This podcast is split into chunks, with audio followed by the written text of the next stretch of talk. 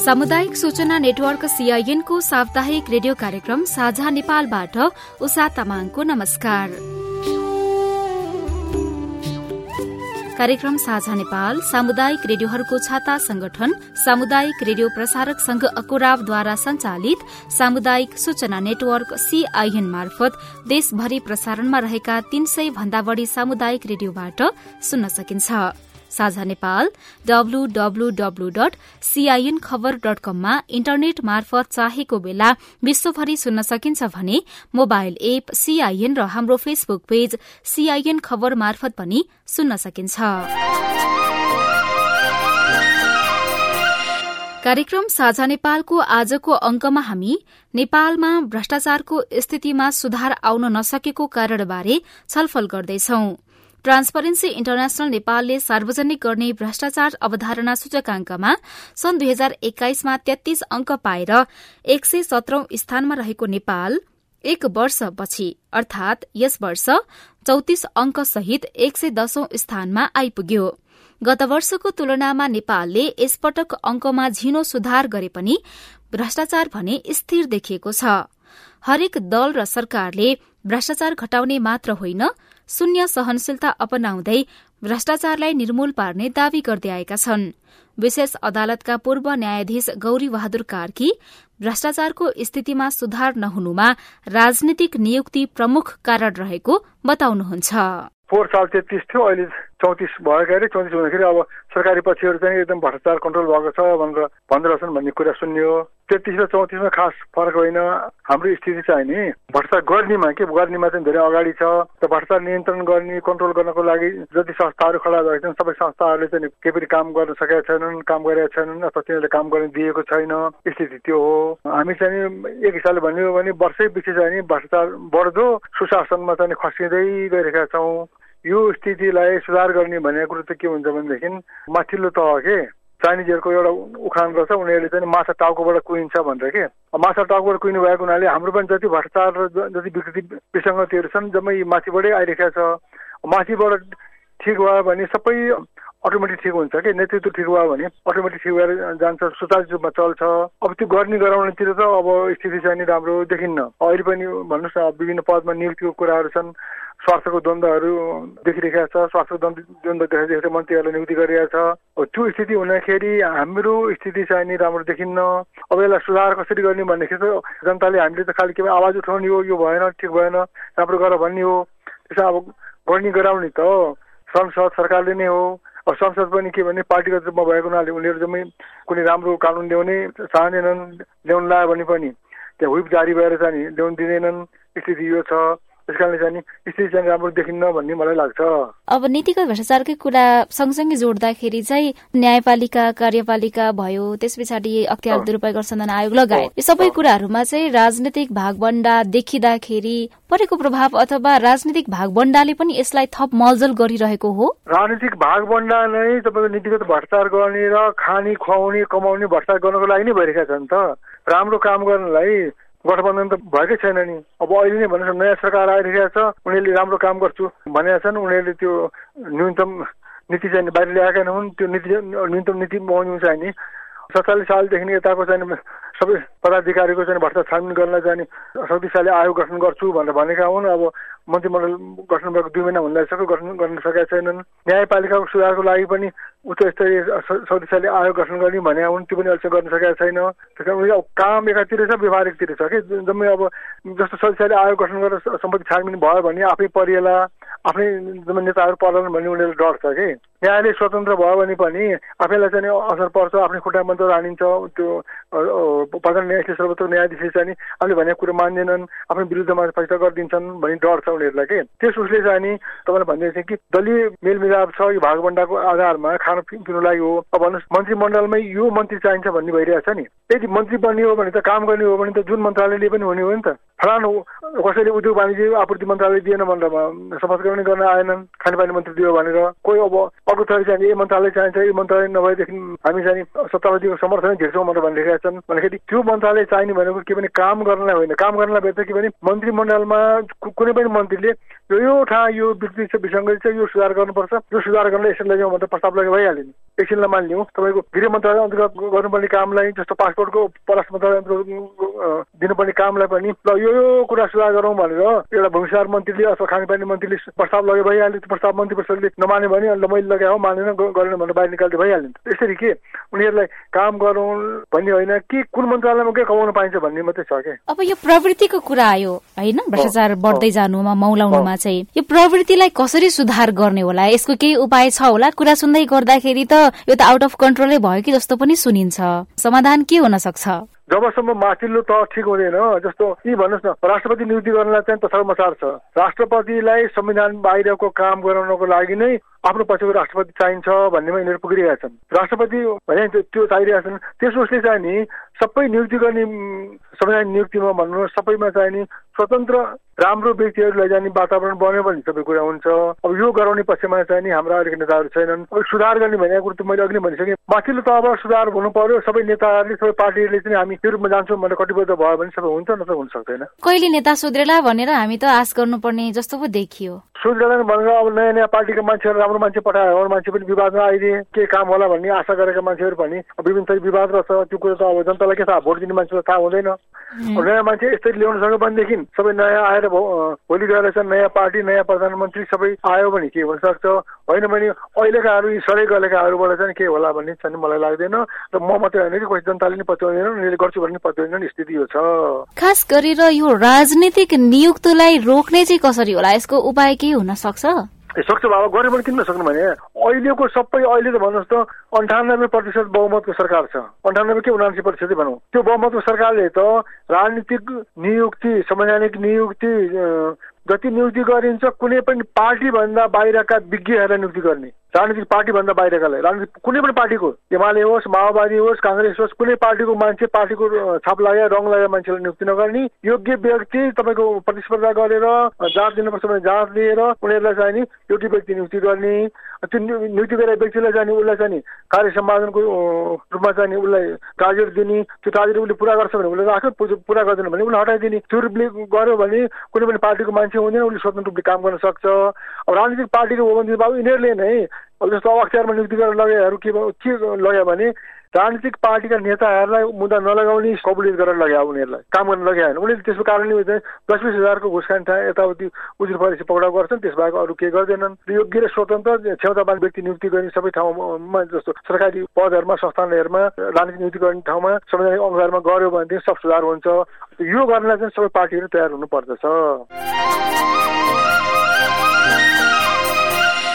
भर्खरै सुन्नुभयो विशेष अदालतका पूर्व न्यायाधीश गौरी बहादुर कार्कीसँगको कुराकानी।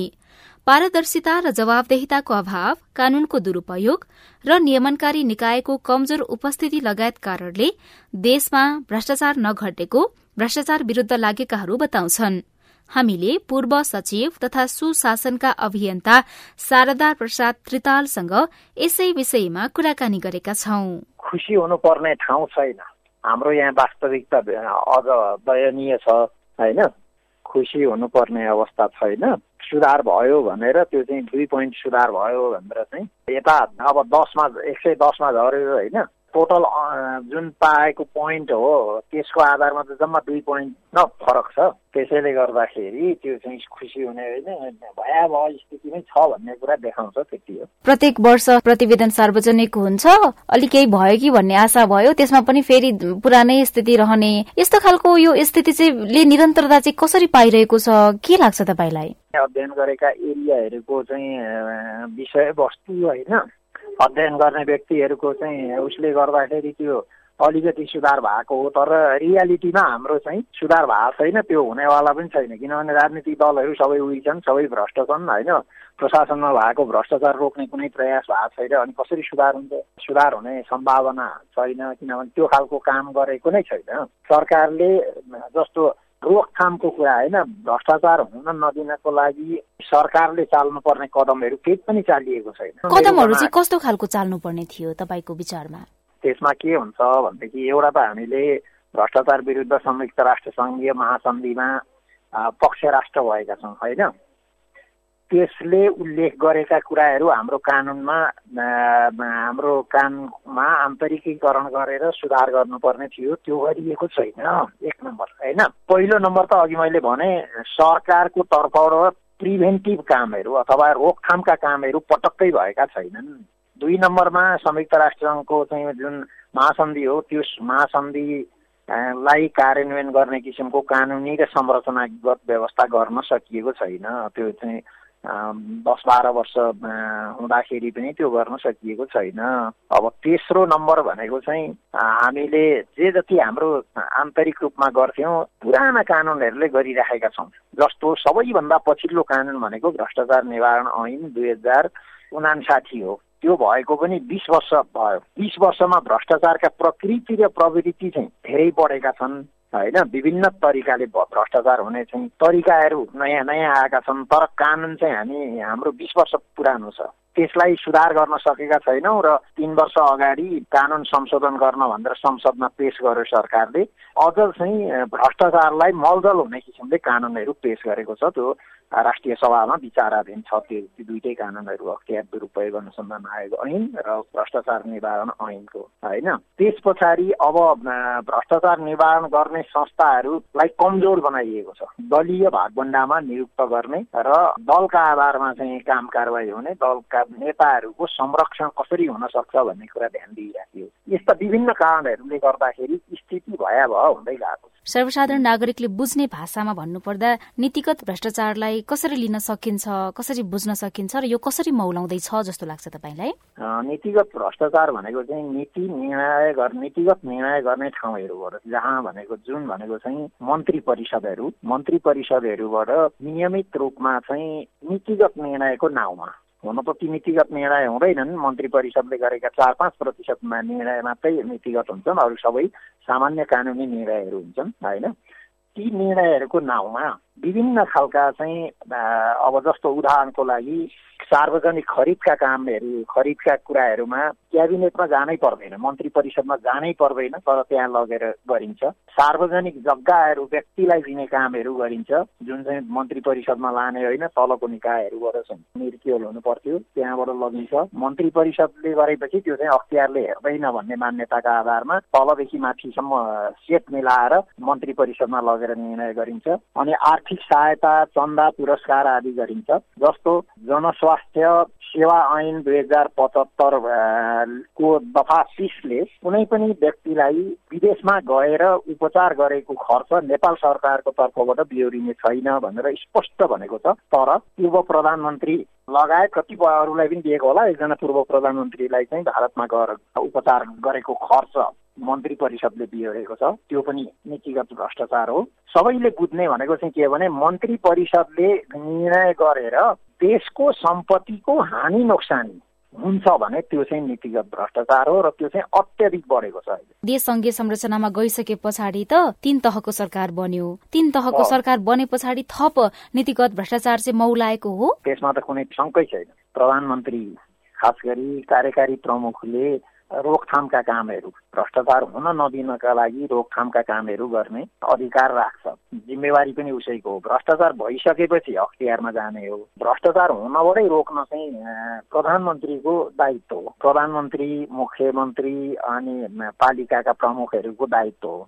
उहाँहरूले त्यस्तो खालको नियन्त्रण गर्न खोजेको देखिएन भनेदेखि त त्यो त बढ्ने नै हो। उहाँहरूलाई चाहिँ विभिन्न आफ्ना आफ्ना मान्छेहरूलाई त्यस्ता खान पाइने ठाउँमा धेरै साधन स्रोतको प्रयोग हुने ठाउँमा पठाउने र अनि त्यसबाट चाहिँ आफूले सहित फाइदा लिने प्रवृत्ति माथिल्लो स्तरमा भएपछि तलबाट त हुने नै भयो। अब यो नीतिगत भ्रष्टाचारलाई तपाईँले भन्नुभयो जस्तै यिनै पालिका प्रमुख अथवा मुख्यमन्त्री अथवा प्रधानमन्त्रीले नै दायित्वबाट मुख फेरि पछाडि नीतिगत भ्रष्टाचार थप मौलाउन सक्ने देखिन्छ। अब यस्तो स्थितिमा चाहिँ जनताले अथवा माथिल्लो निकाय जसले नियमन गर्नुपर्ने हो यो सबैको सहभागिता चाहिँ कस्तो कुरामा भयो भने केही कम गर्न सकिएला? अनि यसमा त अब खास गरी मिडियाहरूले चाहिँ अलिकति खोज पत्रकारिताको विकास गर्नु पर्यो होइन? तथ्यहरू सङ्कलन गर्नु पर्यो जस्तो कति मान्छेलाई एउटा एउटा टाइम लिएर विगत पाँच वर्षमा कति मान्छेलाई चाहिँ कानुन विपरीत चाहिँ आफ्ना भरौटेहरूलाई चाहिँ आर्थिक सहायताका नाउँमा उपचार खर्चका नाउँमा कति वितरण गरिएको छ त्यो तथ्य आउनुपर्छ। त्यो मन्त्री परिषदको निर्णयहरू जुन सार्वजनिक गरिन्छ त्यसमा त्यो समावेश गरिँदैन। त्यो बाहिर आओस् भन्न सक्नु पर्यो खोज्नु पर्यो पत्रकारहरूले। अर्को चाहिँ के भने भ्रष्टाचार विरुद्धका अभियानहरू जुन छन् त्यस्ता अभियान सञ्चालकहरूले गहिराईमा जान सक्ने अवस्था सिर्जना हुनु पर्यो होइन? राजनीतिक दलका चाहिँ भातृ सङ्गठनहरू अब सबै भ्रष्ट छन्।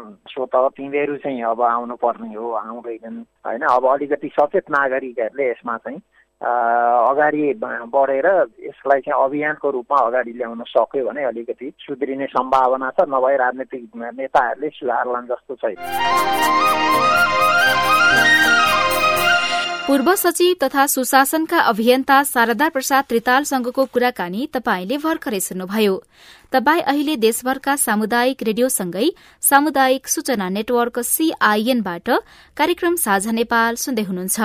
साझा नेपालमा आज हामी नेपालमा भ्रष्टाचारको स्थितिमा सुधार आउन नसकेको कारणबारे छलफल गर्दैछौ।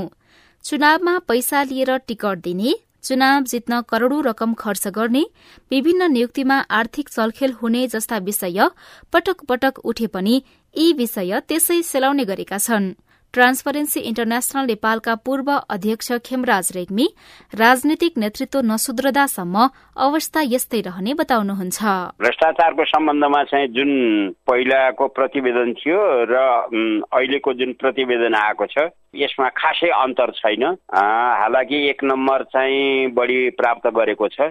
यो एक नम्बर बढ्यो भन्नुको चाहिँ खासै तात्पर्य रहँदैन यो। किनभने हामी चाहिँ एभरेज भनौँ न भ्रष्टाचार नहुने मुलुकहरूको एभरेज हुन्छ। त्यो एभरेज भन्दा धेरै तल छौँ। त्यसो हुँदाखेरि हामी चाहिँ आशावादी हुन सकिँदैन र चाहिँ भ्रष्टाचार नियन्त्रणमा सरकारका कदमहरू अथवा सम्बन्धित नियमन निकायहरूको चाहिँ काम प्रभावकारी छ भन्ने यसले चाहिँ देखिँदैन। सधैँभरि निराश नै भइरहनु पर्ने यसपालि केही सुधार हुन्छ कि भन्यो त्यो पनि हुँदैन। मूल कुरो के हो भन्नु होला भने भ्रष्टाचारको मुहान कहाँ हो त्यो त्यो पत्ता लगाउनु पर्यो। सबभन्दा धेरै भ्रष्टाचार कहाँ हुन्छ? कर्मचारीहरूले गर्ने भ्रष्टाचार भनेको चाहिँ होइन हजार बढीमा लाख होला। तर चाहिँ करोडौँ अरबौँको भ्रष्टाचार हुने ठाउँ कहाँ हो? त्यो भनेको चाहिँ राजनीतिक नेतृत्व तह हो। जबसम्म त्यो तह सुध्रदैन त्यहाँ रोकिँदैन भ्रष्टाचार हुने कुराहरू तबसम्म चाहिँ के हुन्छ भने यो हरेक क्षेत्रमा भ्रष्टाचार व्याप्त हुन्छ। नियन्त्रण गर्नुपर्ने भ्रष्टाचार नियन्त्रण गर्ने प्रमुख निकाय भनेकै सरकार हो। सरकारमा नेतृत्व गर्ने राजनीतिक पार्टीका व्यक्तिहरू जहाँ जहाँ स्वार्थको द्वन्द्व हुन्छ आफूले हिजो गरेका चाहिँ बदमासीहरू भ्रष्टाचारहरू अनियमितताहरू दबाउनको लागि तिनै तिनै मन्त्रालय चाहिँ रोजेर जान खोज्ने जाने र लैजाने प्रवृत्ति कायम रहन्छ। अनि अर्को कुरो निर्वाचनमा जसरी पनि जितेर आउनु पर्ने भन्ने जुन मान्यता छ जसरी पनि जित्ने भनेपछि त्यहाँ के हुने भने पब्लिकलाई रिजाउने भन्दा पनि अन्धाधुन्द पैसा खर्च गरेर मतदातालाई किनेर चुनाव जित्ने परिपाटी पनि बढ्दो छ। जनतालाई पैसा दिएर भोट किन्न सक्ने खालका मान्छेहरूलाई पार्टीहरूले टिकट दिने परिपाटी छ। त्यसो हुनाले यो चाहिँ भ्रष्टाचारको मुहान भनेको चाहिँ हाम्रो राजनीतिक नेतृत्व तहमा छ। जबसम्म उनीहरूले यो कुरालाई रियलाइज गरेर हामी चाहिँ भ्रष्टाचार नियन्त्रण गर्छौँ मुलुकलाई सुशासन दिन्छौँ भनेर एउटा दृढ राजनैतिक इच्छा शक्ति राखेर काम हुँदैन नि तबसम्म चाहिँ मुलुकमा चाहिँ यो व्याप्त भ्रष्टाचार रहिरहन्छ। अनियमित ढङ्गले चाहिँ पैसा जमाउनको लागि के हुनु पर्यो भने उनीहरूले चाहिँ बिचौलिया दलाल तस्कर माफिया यिनीहरूको सङ्गत गर्नुपर्ने हुन्छ। र उनीहरूलाई जब संरक्षण गरिन्छ उनीहरूलाई जब चाहिँ होइन एक हिसाबले पुरस्कृत गरिन्छ भनौँ भने उनीहरूबाट मुलुकको हितमा अथवा मुलुकको आर्थिक हितमा काम हुन्छ भन्ने कुराको चाहिँ सोध्न पनि सकिँदैन। राजनीतिक नेतृत्व पनि नसुध्रिने जस्तो चुनावकै कुरा गर्दाखेरि पनि जसरी पनि जित्नुपर्छ कोसँग पैसा छ त्यो व्यक्तिलाई टिकट दिने पार्टीले ऊ गएर पैसाको खोलो बगाएर जसरी पनि चुनाव जित्ने। फेरि जनता पनि पैसाकै पछि लाग्ने जस्तो खालको परिपाटी पनि पछिल्लो समय देखिन थालेको छ। कस्तो व्यक्तिलाई चाहिँ संसदमा पठाउनु पर्ने हो भन्ने कुराहरूमा जनता आफै पनि चुकिरहेको अवस्था। भनेपछि दुवै तह चाहिँ यस्तै यस्तै माहौलमा रुमलिए पछाडि त यो भ्रष्टाचार नियन्त्रण गर्ने अथवा राजनीतिक नेतृत्वलाई सुधार गर्ने जिम्मेवारी त कसको काँधमा आएको जस्तो देखिन्छ त? तपाईँले भनेको कुरो ठिक हो कि? अब मूल कुरो के हुन्छ भने राजनीतिक नेतृत्व तहले योग्य योग्य भन्नाले असल भनौँ न होइन? क्यान्डिडेटहरू दिएर पठाउने हो भने त सर्वसाधारणले त तिनै मध्ये छान्ने हो नि। असल मध्ये अझ बेस छान्ने हो।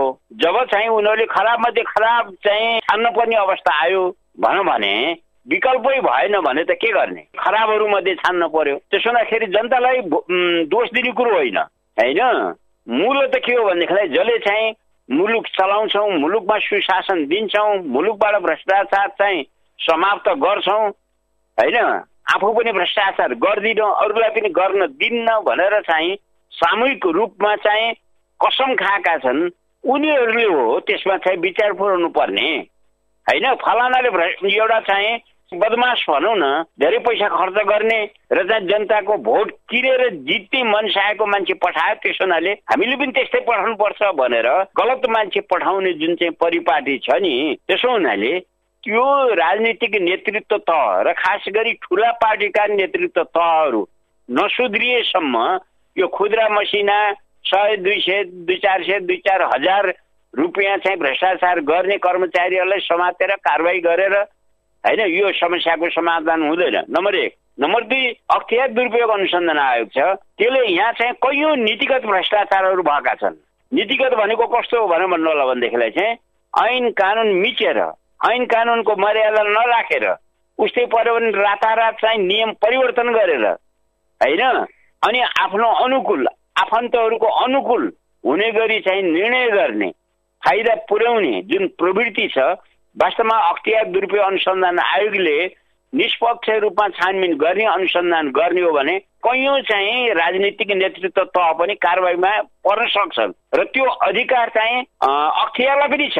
खालि मन्त्री परिषदले गरेका नीतिगत निर्णय कतिपय चाहिँ निर्णय के गर्छ भने त्यो चाहिँ कार्यकारी निर्णय गर्छ मन्त्री परिषदले पनि। जस्तो बालुवाटार जग्गा प्रकरणमा मोहीलाई जग्गा दिने फलानु मोहीलाई भनेर एउटा व्यक्तिलाई दिने कुरो चाहिँ नीतिगत निर्णय हुँदैन। मोही सम्बन्धी सम्पूर्णलाई चाहिँ लागू हुने नीति चाहिँ भयो भने बल्ल त्यो नीतिगत निर्णय हुन्छ। कुनै एउटा व्यक्ति क भने व्यक्तिलाई होइन जग्गाको मोहियानी दिने भन भन्यो भने त्यो चाहिँ के हो भने त्यो चाहिँ कार्यकारी निर्णय हो। त्यो कार्यकारी निर्णयमा यदि गलत मान्छेले गलत नियतले गरिया छ भने अख्तियारले त्यसमा कारवाही गर्न सक्छ। हो अब यस्तो किसिमको कारवाही गरेकै छैन अख्तियारले। अख्तियारले चाहिँ राजनीतिक नेतृत्व तहलाई कारवाही गर्नु पर्यो भने खुट्टा कमाउँछ। त्यो चाहिँ के भयो भने संविधानले जुन परिकल्पना गरेका छ अख्तियार दुरुपयोग अनुसन्धान आयोग त्यहाँ पठाइने प्रमुख आयुक्त र आयुक्तहरू नै के भयो भने आफूलाई नियुक्ति गरेर पठाउने मान्छेहरूप्रति वफादार भए। उनीहरू मुलुकप्रति मुलुकवासीप्रति आफ्नो संवैधानिक दायित्वप्रति जवाफदेही चाहिँ भएनन् उत्तरदायी भएनन्। त्यसो हुँदाखेरि यो भ्रष्टाचार व्याप्त हुनुको प्रमुख कारण त्यो हो। त्यसो भए अब गर्ने के त? समाधान पनि गर्नु पर्ला सधैँभरि हामी यही कुरामा बहस गरेर पनि त वर्षौं वर्षसम्म बस्न सक्ने स्थिति पनि नरहला। अहिलेदेखि सुधारको काम अघि बढाउने हो भने सुधारको कदम अघि सार्ने हो भने के के कुराहरू तत्कालै गर्नुपर्ने देख्नुहुन्छ होइन अब यस्तो छ कि कुनै अब जस्तो भनौँ न अख्तियार लगायतका अरू भ्रष्टाचार नियन्त्रण गर्ने जुन चाहिँ के अरे होइन निकायहरू छन् तिनीहरूलाई कुनै चाहिँ ऐन कानुनको चाहिँ कमी छ भने ऐन कानुन बनाउनु पर्यो। होइन अख्तियारमा केही कमी कमजोरी चाहिँ छन्। जस्तो अनुचित कार्य गर्ने मान्छेहरूलाई पहिला उसले चाहिँ विभागीय कारवाही गर्न पाउँथ्यो अहिले त्यो रोकिदिएको छ। होइन त्यसलाई चाहिँ त्यो कसले गर्छ त? अख्तियारले नगर्ने हो भने। त्यो त्यो निकाय खडा गर्नु पर्यो नि अथवा कुनै निकायलाई त्यो अधिकार चाहिँ प्रत्यायोजन दिनु पर्यो। यो मामिलामा चाहिँ सरकार भनौँ अथवा राज्य चाहिँ उदासीन छ। त्यस्तै अरू कैयौँ कुराहरू चाहिँ छन्।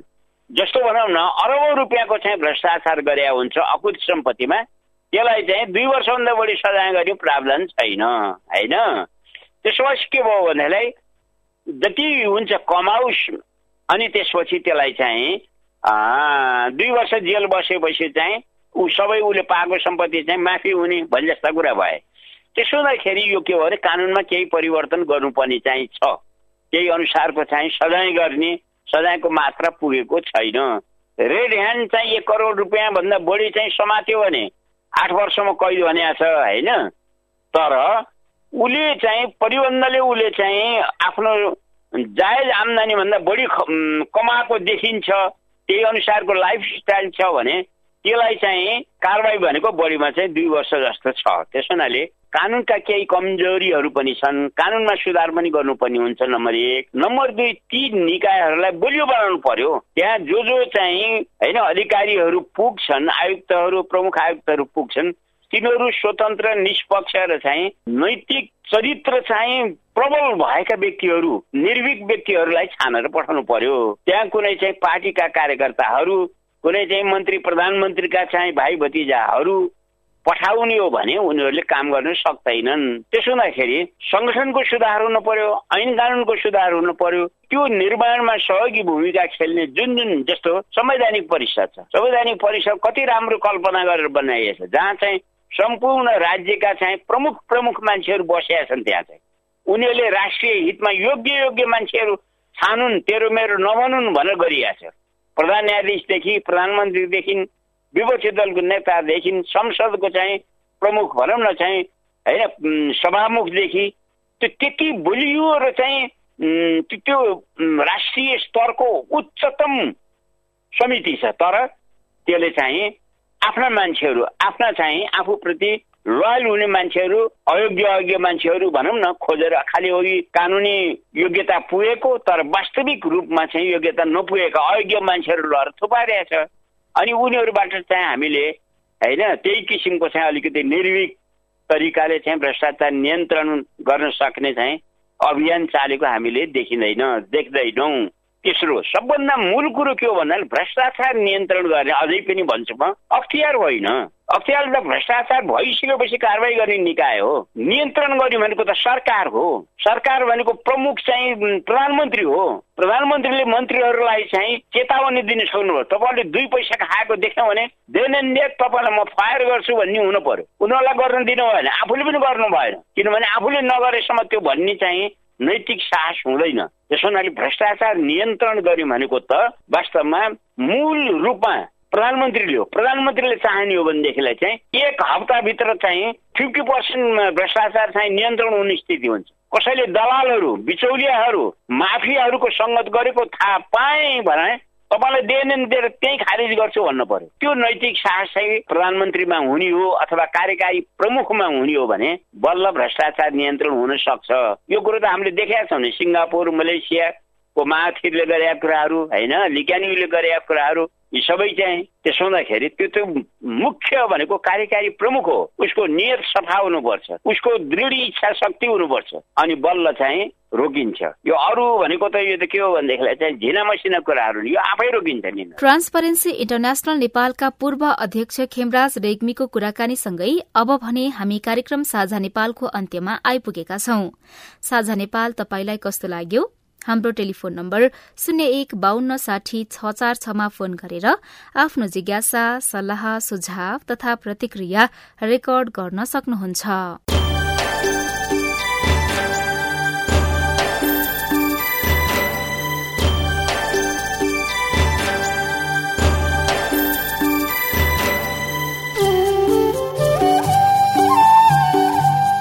हवस् त।